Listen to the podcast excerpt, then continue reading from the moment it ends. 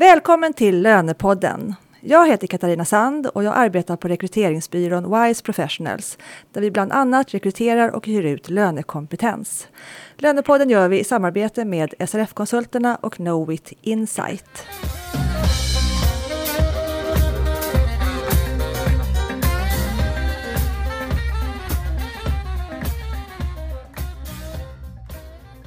Förra veckan, den 17 mars, så la vi ut ett extrainsatt avsnitt med anledning av regeringens stödpaket.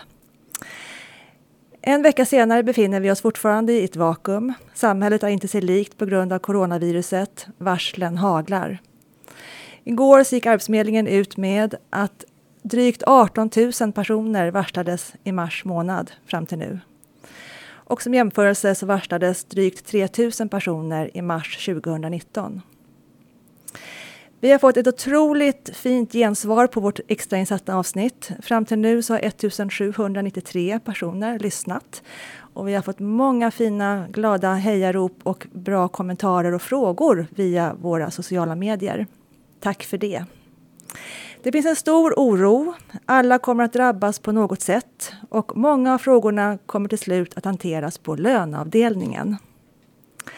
Med mig här idag i studion har jag Senny Sjölund, min bisittare tillika gäst, branschansvarig för lön på SRF-konsulterna. Välkommen! Tackar! Vi har också med oss Tommy Iseskog, med oss på telefon tyvärr, då du inte hade möjlighet att vara med oss här i studion idag. Välkommen Tommy! Tack så mycket! Du är en av Sveriges främsta experter på arbetsrätt. Och sen har vi med oss Mia Jansson, lönansvarig på Sabis här i Stockholm, ett mat och serviceföretag. Välkommen till dig Mia. Tackar. Jag tänkte börja, vi kanske kan gå laget runt först. Eh, Senni, hur har senaste veckan varit för dig? Ja, den har varit overklig som för många andra kan jag tänka mig. Men eh, precis som du säger så har vi ju många saker som påverkar lön.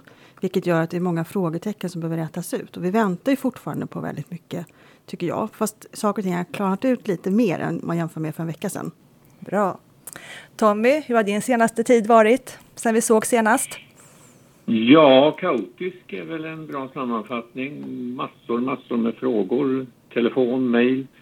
Eh, det råder ju, råder ju stor förvirring eh, i landet eh, och eh, en del av den förvirringen har ju sin grund i att politiken inte riktigt lyckas förklara vad det är man beslutar om, tycker jag.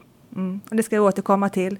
Och Mia, hur har din senaste vecka varit på en löneavdelning? Ja, eh, till att börja med så blev det ju väldigt snabbt det här med korttidspermitteringarna. Eh, beslutet fattades. Vi, vi tillhör besöksnäringen eh, och vi har permitterat cirka 250 personer då, i olika grader. Då. Och då gällde det att hålla huvudet kallt och inte börja ifrågasätta hur vi ska hantera det här i lön. Utan då gällde det bara att se till att få ut det material som behövdes. Mm. Hur, många är, hur många löner hanterar du på Sabis? 700. 700. Hur många kollektivavtal har ni? Eh, fyra. Vi fyra. har Handels, HRF och så Visita då, ja. eh, tjänstemän. Och vilket lönesystem sitter du och jobbar i? Hogia. Hogia. Mm. Mm. Tommy, jag tänkte börja med dig. Eh, det, är ju en del förvirring som du sa också. Eh, skulle du kunna förklara skillnaden mellan varsel, uppsägning och permittering? Ska vi börja i den änden? Ja, varsel är ju då en eh, åtgärd som handlar om att förvarna om att man har för avsikt att säga upp på grund av arbetsbrist. Ehm, I förhållande till eh, berörda fackliga organisationer så är ju varslet eh, i, form av att man påkallar en MBL-förhandling. Ehm, och ehm, eh, själva varselanmälan är ju sedan till Arbetsförmedlingen. Så varslet är ju alltså en information om att det kommer någonting som kan leda till uppsägning. Varslet är ju i sig inte en uppsägning, vilket är viktigt att betona. Historiskt så vet vi att eh, många varsel inte leder till uppsägning i slutändan. Nu är det väl lite annorlunda i just den här situationen men, men eh, rent allmänt kan man konstatera det. Uppsägning betyder alltså då att man avslutar anställningsavtalet eh, med den uppsägningstid som gäller antingen enligt avtal eller enligt lagen om anställningsskydd. Och ehm, när det då är en ehm, så kallad företagsekonomisk anledning, eh, arbetsbrist, så är det ju sällan tvist blir det sällan tvist om själva arbetsbristen. Däremot kan det bli tvist om turordning, omplacering och sådana saker. Eh, begreppet permittering är ju egentligen eh, gammalt och överspelat skulle jag vilja säga. Eh, permittering innebar en gång i tiden att arbetsgivaren kunde arbetsbefria arbetstagare och skicka hem dem eh, till och med utan lön. Eh, det gäller inte längre. Eh, det ändrades i lagen om anställningsskydd så småningom och det betyder alltså att begreppet permittering finns i praktiken inte i lagstiftningen. Däremot kan man ha kollektivavtal som reglerar permittering men det är väldigt ovanligt. Ehm, det man bör använda som uttryck numera det är alltså korttidsarbete. Och vi har sedan 2014 en lagstiftning om korttidsarbete som nu då har ändrats eller håller på att ändras. Men i praktiken ska ju ändringen ha retroaktiv verkan från 16 mars i år. Ehm, och korttidsarbete som vi alltså bör eh, tala om och använda som begrepp tycker jag. Det handlar om att man eh, träffar ett eh, avtal Eh, antingen i kollektivavtalsform eller med, berörda individer innebärande att man genomför en arbetstidsförkortning och en löneminskning. Och under vissa då i lagen reglerade förutsättningar så kan sen arbetsgivaren få eh, stöd från staten för de kostnader som uppkommer här och till en viss del få stöd av staten ska sägas. Tack så jättemycket för den förklaringen. Mia, du som sitter nu verkligen i, eh, ja, i hetluften I, fått, i skiten och har fått allt det här i ditt knä. Ja. Eh, och det kom ju i och med regeringens presenterade stödpaket den 16 mars. Eh, vilka frågor brottas du med? Vad, vad, behöver vi här idag nu med Tommy och Senny reda ut? Vad är det som brinner hos dig? Eh, den första frågan som kommer upp är ju då eh, vi har ju då en hel del personer som redan är partiellt sjukskrivna, 50 procent till exempel. Hur ska vi hantera dem? De är korttidspermitterade då, som vi kallar det för. Eh, karensreglerna, karensavdrag, hur ska vi sköta det? Är det på den ordinarie arbetstiden eller är det på den korttidspermitterade tiden? Ska vi stanna där? Då tar de här två frågorna. Ja. Tommy, kan du svara? Mia? Ja, alltså det är viktigt, som jag sa för en stund sedan, att man ser att det vi kallar då korttidspermittering är egentligen en överenskommelse om en arbetstidsförkortning och ingenting annat. Så att ni ska betrakta det som vilken annan sån överenskommelse som helst. Alltså tillfälligt går arbetstagaren ner i tid. Ehm, eh, så att eh, det är inte fråga om att man eh, är arbetsbefriad och står till arbetsgivarens förfogande för arbeten och sånt utan man har alltså en överenskommelse om att för viss tid framöver så är arbetstiden förändrad för den här personen. Och då har vi ju i lagen reglerat, reglerat tre nivåer, antingen 20 eller 40% eller 60% Det är de nivåerna man måste hålla sig till för att man ska kunna få stöd som arbetsgivare. Vill man inte ha stöd så kan man hålla sig till vilka nivåer som helst. Men det är alltså en arbetstidsförkortning som är överenskommen och sen är det ju en fråga om arbetstidsförläggning inom ramen den för, för, för, den förkortningen. På samma sätt som ni resonerar om ni har någon som är deltidsanställd eller tillfälligt går ner i tid för, för vård av barn eller studier eller vad det nu kan vara. Och det betyder att om någon då är partiellt sjukskriven så måste det bedömas eh, utifrån då den nya tjänstgöringsgraden. Kan den här personen arbeta den här nya tjänstgöringsgraden trots sin sjukdom? Ja, då är ju personen inte sjukskriven. Okej, okay, jag tror jag förstår det där. Men eh, frågan är ju egentligen hur kommer Försäkringskassan att hantera det här gentemot den som är sjuk? Då, då? Hur mycket blir avdraget? För, alltså det är väldigt, väldigt rörigt det här känner jag. Ja, men det är alltså inte rörigare än om du tar exemplet att den här personen eh, säger halvt ledig för studier. Hur gör ni då? Det är samma, samma sätt att resonera i det här fallet. Eh, om en person eh, har en arbetsmåga till 50% och tjänstgöringsgraden är 50% då eh, lär ju inte personen få någon sjukpenning överhuvudtaget. Sen kan man ju säga så här också att vi vet ju inte riktigt hur Försäkringskassan ska hantera det här. Men eh, när du ansöker till Försäkringskassan så handlar det ju om att du ska ansöka för det som du inte har fått lön för. Så att det är ju vara ett ett till ett förhållande där. Ja, så beroende på hur arbetsgivaren väljer att lösa situationen så blir det någonting som speglas mot det som går mot Försäkringskassan. Mm. Ja, så är det säkert. Men, men, som sagt, grundbulten här är ju att, att betrakta det här som en tillfällig förändring av tjänstgöringsgraden. För det är det det handlar om juridiskt. Man har träffat avtal om att tillfälligt ändra tjänstgöringsgraden och därav följer ju då eh, en massa saker i, i de här systemen. Men det är inget annat i eh, fråga om korttidsarbete än vad som gäller beträffande andra eh, situationer där man förkortar sin, sin eh, arbetstid. Ja, men då tror jag att jag har koll på den här biten. Du hade en till fråga där kring eh, karens. Ja, karensavdraget då, hur man ska tänka kring det. Vilka timmar är det man ska göra då på karensavdrag? Är det ordinarie timmar eller är det då, då korttidsarbetestimmarna? Per vecka? Ja, alltså sjuklönelagen säger ju att man har rätt till sjuklön utifrån vad som är då eh, en normal eh, lön eh, för den här perioden då man är borta. Om man nu går miste om lön vill säga. Går man inte miste om någon lön så har man ju inte rätt till, till någon sjuklön eller sjukpenning överhuvudtaget. Och karensavdraget är ju då beräknat på, det är ju 20 procent på det som skulle ha varit en genomsnittlig lön under den här veckan. Eh, om personen då inte hade varit sjuk och det inte hade funnits karensavdrag. Så det är samma sak där, det är samma formel Eh, utifrån då vad är, eh, vad är den genomsnittliga lönen för den här personen eh, i och med korttidsarbetet. Och eh, lönen är ju eh, antingen 96 procent eller 94 procent eller 92,5 procent. Ehm, sen kan man naturligtvis kollektivavtal reglera Eh, att sjuklönen ska beräknas på annat sätt. Sjuklönelagens regler är ju dispositiva.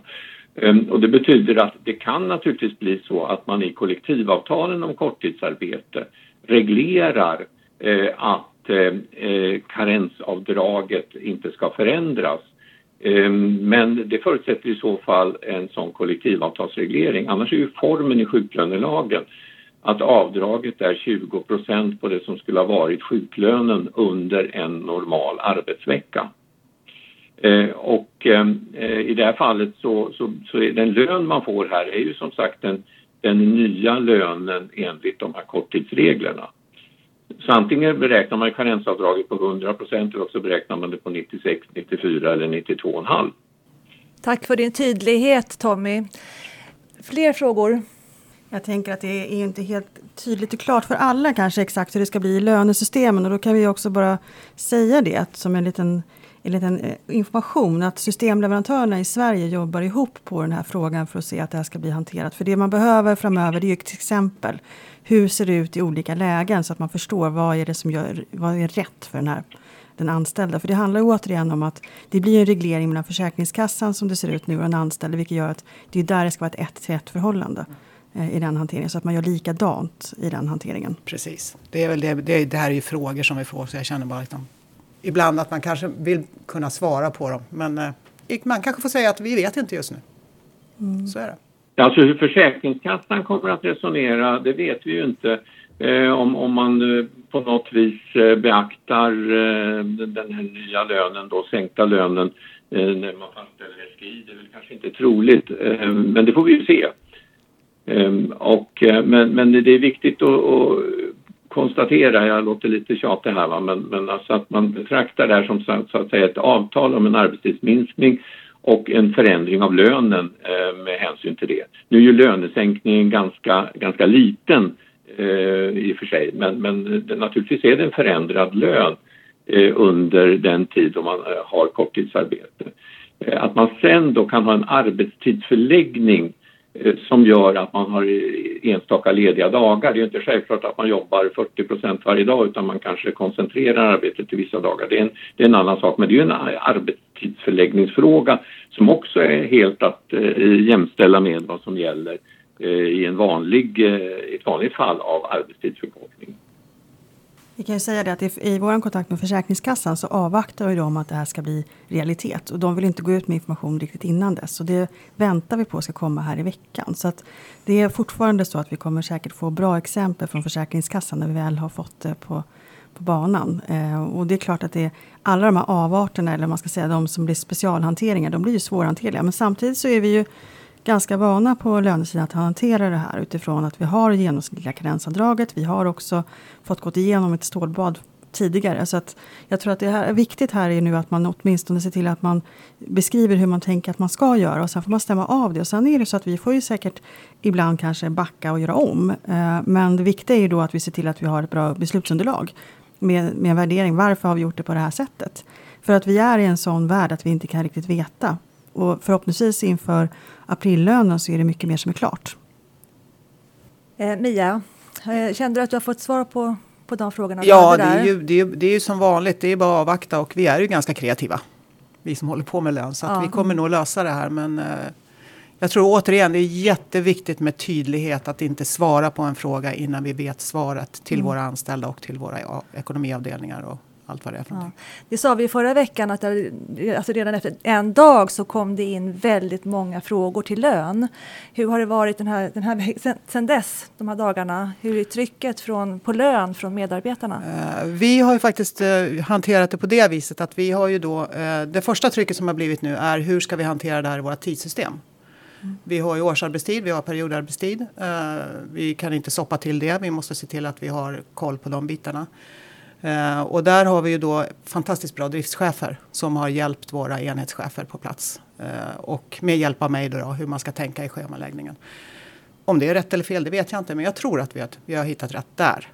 Så den biten är på banan. Och då blir det till de anställda att de ser hur de ska jobba och de ser att de har fått en arbetstidsförkortning. Eh, sen ska det in i lön, men då, det tar vi då. En sak i taget. Ja. Mm.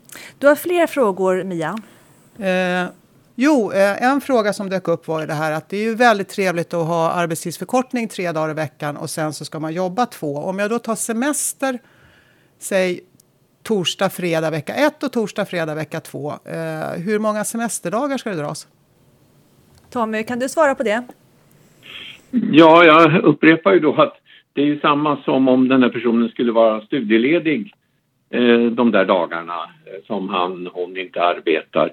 Ehm, så att det är ingen skillnad. Va? Alltså, om man tillåter att man tar ut enstaka semesterdagar på det sättet, det är ju en fråga som arbetsgivaren måste ta ställning till, eh, så, så är det naturligtvis så att man inte behöver ta ut eh, semesterdag då man ändå är, skulle vara ledig.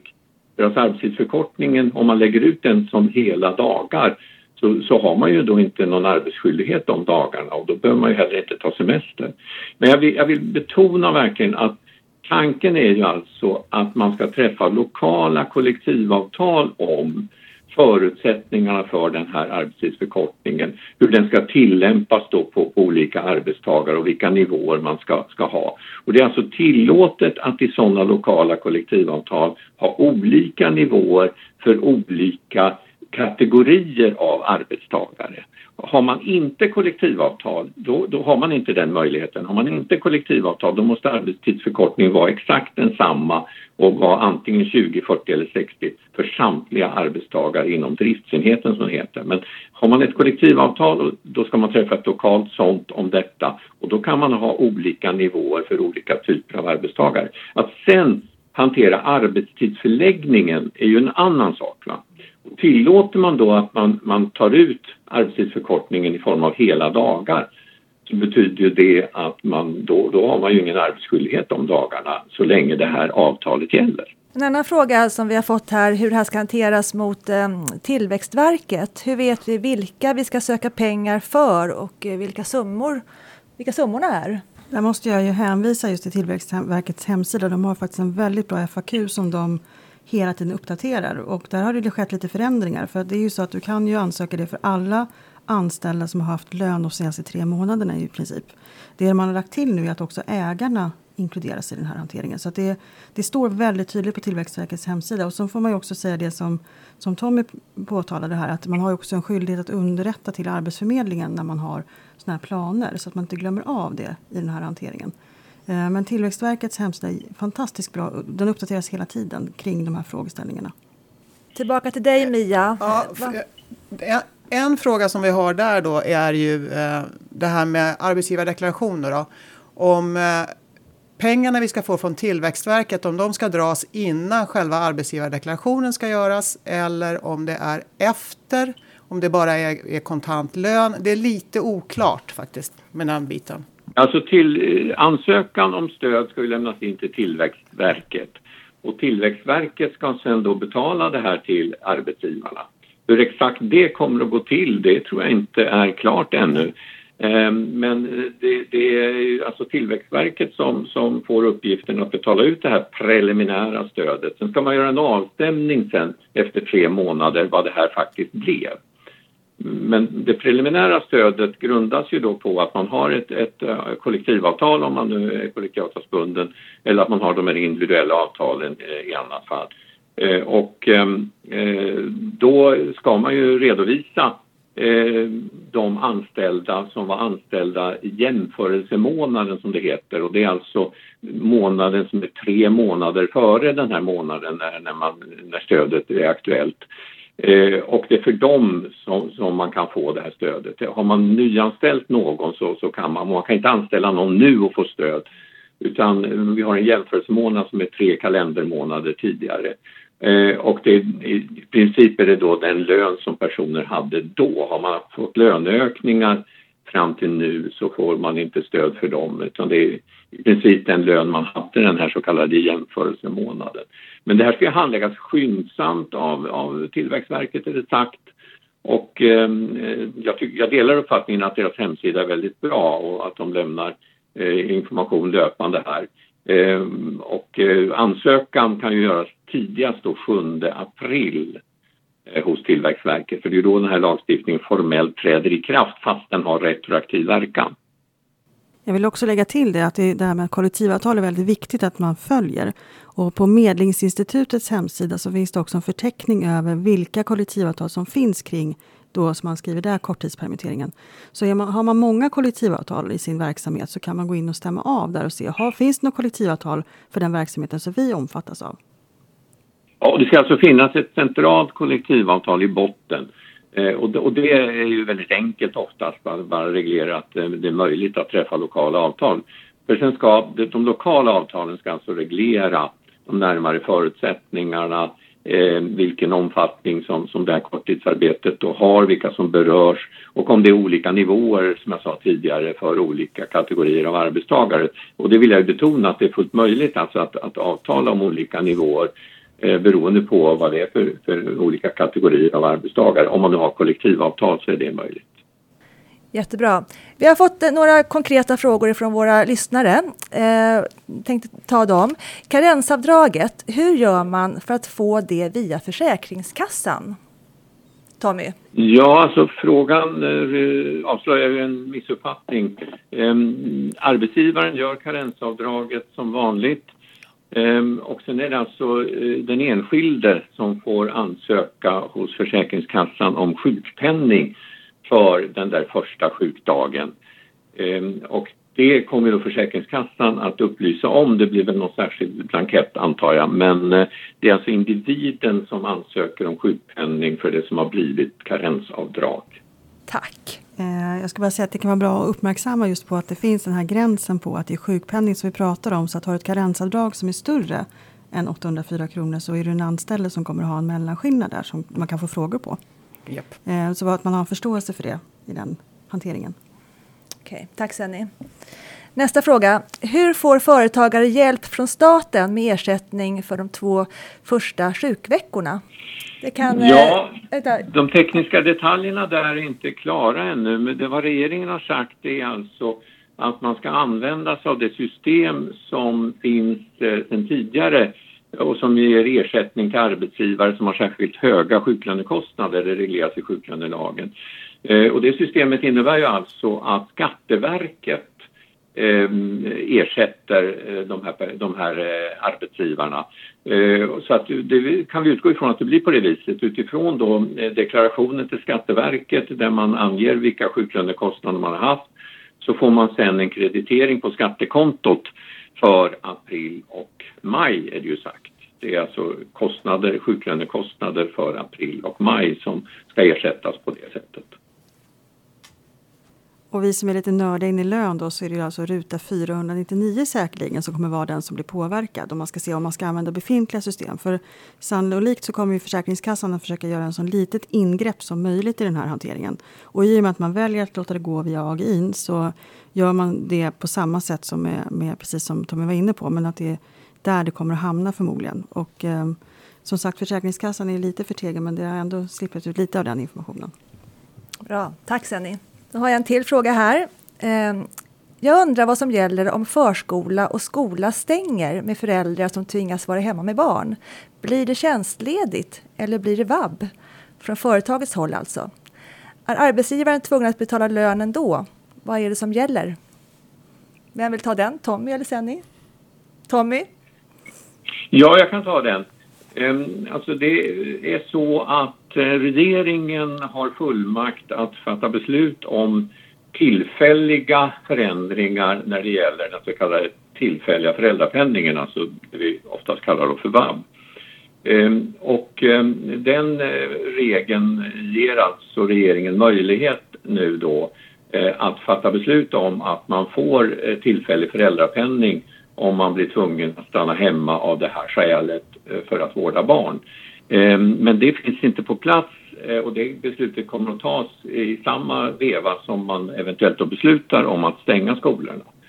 Ehm, sen blir det ju då en, en bedömning som eh, Försäkringskassan får göra naturligtvis om, om den här föräldern då har varit hemma för att vårda det här barnet. Men det är ju samma principer som vid sjukbarn. Så att vi kan utgå ifrån att det då blir rätt till vab i de lägena om det skulle inträffa. Eh, sen har ju också regeringen sagt att eh, föräldrar eh, som har sån, så viktiga arbeten så att de inte kan undvaras på arbetsmarknaden, de ska då garanteras barnomsorg. Och där kommer man få ett tekniskt lagstiftningsproblem eh, om, om, om det blir tillåtet för de föräldrarna att ändå vara hemma och vabba på det fall de vill eller om de blir om de blir undantagna från, från vab-rätten och vab-möjligheten. Men det sitter säkert regeringen och funderar på just nu hur det i så fall ska lösas. Ehm, det verkar ju som att mm, en skolstängning är ganska långt borta trots allt men man kan aldrig veta i dessa dagar. Nej, precis.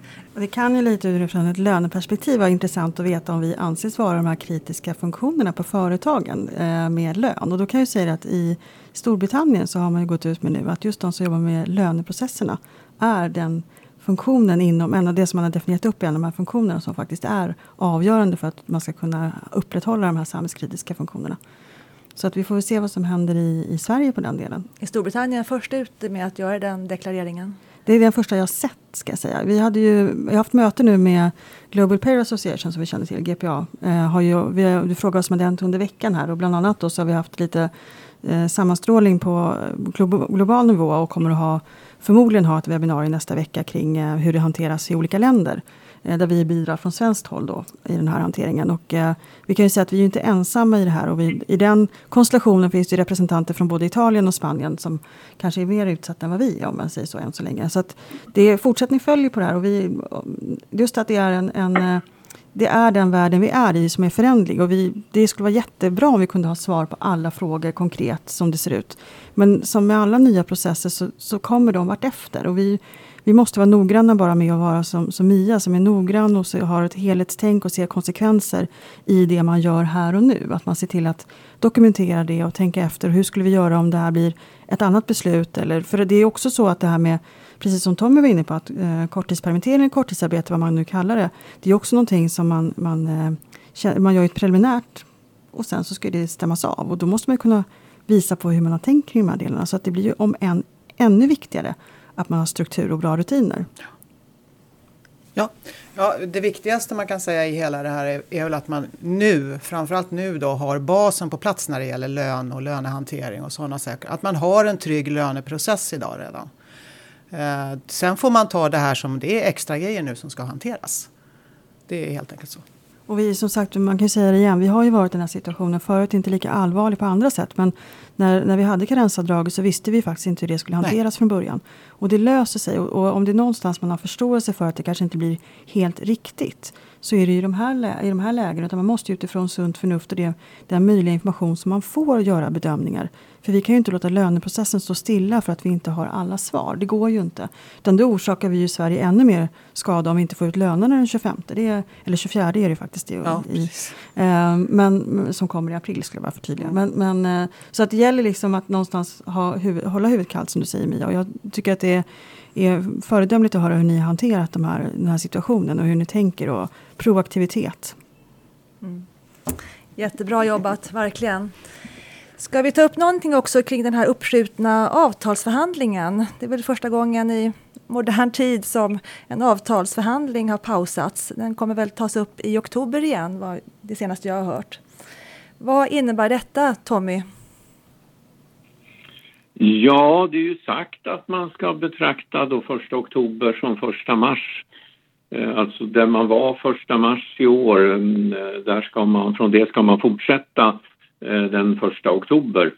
Ehm, jag har väl lite svårt att se att man ska behöva vänta till den första oktober innan man börjar prata med varandra. Ehm, det finns väl skäl att börja tidigare om nu, beroende på hur den här krisen utvecklas, men om, om nu eh, eh, coronaepidemin är hyggligt hanterad så kan jag tänka mig att man börjar ändå prata med varandra, parterna, efter sommaren. Ehm, men det är klart att det här kommer att få betydelse för vi vet ju inte alls i dagsläget hur den allmänna konjunkturen kommer att se ut då, om ett halvår. Ehm, det kan ju visa sig att eh, de ekonomiska efterverkningarna är fruktansvärda men det kan också visa sig att eh, det mesta drar igång på väldiga högvarv. Eh, det finns ju olika Eh, profetior om det från, från nationalekonomers sida har jag hört under de senaste dagarna. Eh, men i klartext så är alltså avtalen prolongerade som det heter på det här språket eh, och ska tillämpas då alltså i nuvarande skick åtminstone oktober månad ut. Om nya avtal då träffas, vilket vi utgår ifrån, så får man ju i dem hantera hur eventuell kompensation ska se ut om det överhuvudtaget är tal om någon sån. Ehm, eftersom den ursprungliga avtalstiden, inte för alla avtal men för många avtal, eh, var, innebar att de löpte ut den sista mars i, eller löper ut den sista mars i år. Jag kan säga att som löneansvarig så är jag väldigt tacksam över att vi inte har en avtalsrörelse just nu också. Faktiskt. Så det här var glada nyheter för mig. Ja, det hade ju varit absurt att genomföra en avtalsrörelse i det här läget med, av, av flera skäl. Naturligtvis av rena hälsoskäl. Eh, men, men eh, också av den anledningen att ingen kan egentligen bedöma hur den det ekonomiska läget ser ut framöver om man nu ska träffa ett ettårigt eller tvåårigt eller kanske rent av treårigt avtal. Så skulle man ha träffat nya avtal så hade ju de i vilket fall blivit väldigt korta och det vet vi av erfarenhet att det är inte kul för någon inblandad egentligen. Eh, speciellt inte för lönehanteringen. Man kan ju tänka sig att det är ganska mycket som ska in i de här avtalen också. Nu har de säkert kommit på massa andra saker i samband med den här den här situationen som vi hamnar i nu. Så att det kanske blir mer omfattande avtal också nu när man har tid kanske att gå igenom dem längre. Det vet man ju inte Nej. i den hanteringen. Så det är en... ja, om inte annat så tror jag att, att eh, de nya avtalen kommer att eh, innehålla principer för korttidsarbete på ett sätt så att den beredskapen finns där och inte, inte att det blir som det blev nu att man var tvungen att träffa centrala kollektivavtal om korttidsarbete så här eh, rakt över disk. Eh, det har ju gått bra i allt väsentligt vad jag förstår men, men det är klart att det vore klokt att ha en eh, generell beredskap för den här typen av händelser i kollektivavtalen som man då kan nyttja direkt eh, och gå direkt på lokala avtal. Nu har man varit tvungen att lite grann lokalt avvakta de centrala avtalen. Jag tänkte också på tal om en korttidsarbete eller korttidspermittering så vill jag också se att om man tittar på det som förslaget som har legat nu, om man, vad man har haft för ambition där, så säger man in, att eh, när det gäller pensioner, försäkringar och arbetslöshetsförsäkringen bland annat så ska inte det här påverka. Vilket kan ha stor effekt in på lön också med tanke på arbetsgivarintyg och andra delar. Däremot så vet vi att det här kommer att ha en påverkan in i statistiken. Eh, det är en praktisk hantering i det här. KLP till exempel som, som vi hanterar. Där kommer det bli en effekt. Så det blir ju, I den hanteringen så kommer det bli praktiska löneuppdrag att hantera på det sättet. Eh, men där pågår dialoger med systemleverantörer och de som är berörda. Ska vi säga. Ja. Bland annat Hogia då. Ja. Tack. Man brukar prata om att lön alltid ligger under ekonomi eller HR. Och jag tänker vad det här kan få för konsekvenser. Det här har vi liksom, jag vet inte om man kan, ja det kanske är lite, men att prata i termer av att nu kan faktiskt lön steppa fram. Lön har en väldigt viktig roll att spela här nu. Eh, och att samarbetet mellan lön, HR, ekonomi kanske blir starkare. Kan man se en sån utveckling tror du Senni? Jag tycker det har varit lite talande för den här eh, krisen vi hamnat i att man förstår att tillsammans är ett viktigt värdeord. Att man har en insikt i att man är inte ensam är inte stark. Jag tycker att samverkan som vi har till exempel med systemleverantörerna är ju ett, ett, ett urbra exempel på hur man faktiskt går ihop för att se hur man kan lösa problematiken. Eh, så jag tror att det är, det är klart att vi kommer bli, säkert bli stärkta ur någonting som är, just nu känns ganska hopplöst kanske för många. Men jag, jag, måste också säga det att de som sitter ute på löneavdelningar, vilket fantastiskt jobb man gör i det här. Att man blir sett under stress igen, under press, jobbiga beslut och dessutom när man vet att nu är det, nu är det verkligen hårda bud för den som blir, om man blir drabbad på felaktigt sätt. Och där tror jag att det är med tanke på vilket ansvar många tar som, är lön, som jobbar med lön så ser man ju en människa nu som faktiskt blir drabbad mm. om vi inte får rätt karensavdrag, om vi inte får möjlighet till att gå ner i tid för att ha kvar jobbet. Eh, så att här handlar det någonstans om att tillsammans får man, ha, man måste ha förståelse för varandra och det, det är en viktig del i den här uh, hanteringen. Ja, alltså börjar vi göra fel nu på väldigt mycket löner Mm. Då tappar vi förtroendet där också. Och, då, och inte det med. Man vill ju ha någon slags trygghet i sin vardag ändå. Man vill ju säkerställa att jag får den här lönen. Okej, okay, den kommer vara lite reducerad, men jag vet att jag får den på kontot. Och börjar vi strula nu så då blir det problem, tror jag. Och det gör vi ju inte, eller hur? Nej. Nej, jobbar Nej. man med lön så då går man in med sitt brutna ben och vi kan jobba. Och det är fantastiskt nu med distansarbetesmöjligheterna som finns. Att man ser att man kan, och där ser det faktiskt annorlunda ut också i resten av världen kan vi säga. Problematiken som uppstår på andra ställen. Eh, så vi hoppas att bredbanden håller nu. Så. Ja, nätverken. Ja. Mm. Okej, hörni, ska vi runda av? Eh, Tommy, har du någonting, sådär, någonting sista du skulle vilja säga till våra kära lyssnare där ute som sitter med dessa uppgifter nu på lön att hantera? Ja, alltså det är väl att det faktiskt är tillåtet att använda sunt förnuft. Precis. Mm. Ja, det var kortfattat och bra. Eh, Mia, vill du säga någonting till lyssnaren? Ja, det är väl det just att använda sunt förnuft och att inte drabbas av panik nu. För att om du drabbas av panik i det här läget så kommer du inte gå framåt. Utan då kommer du bara bromsa upp. Du måste försöka sätta dig ner och systematiskt gå igenom vad är viktigt just nu. Mm. Uh, och är det så att det blir fel på en lön, ja det går ju alltid att korrigera. Mm.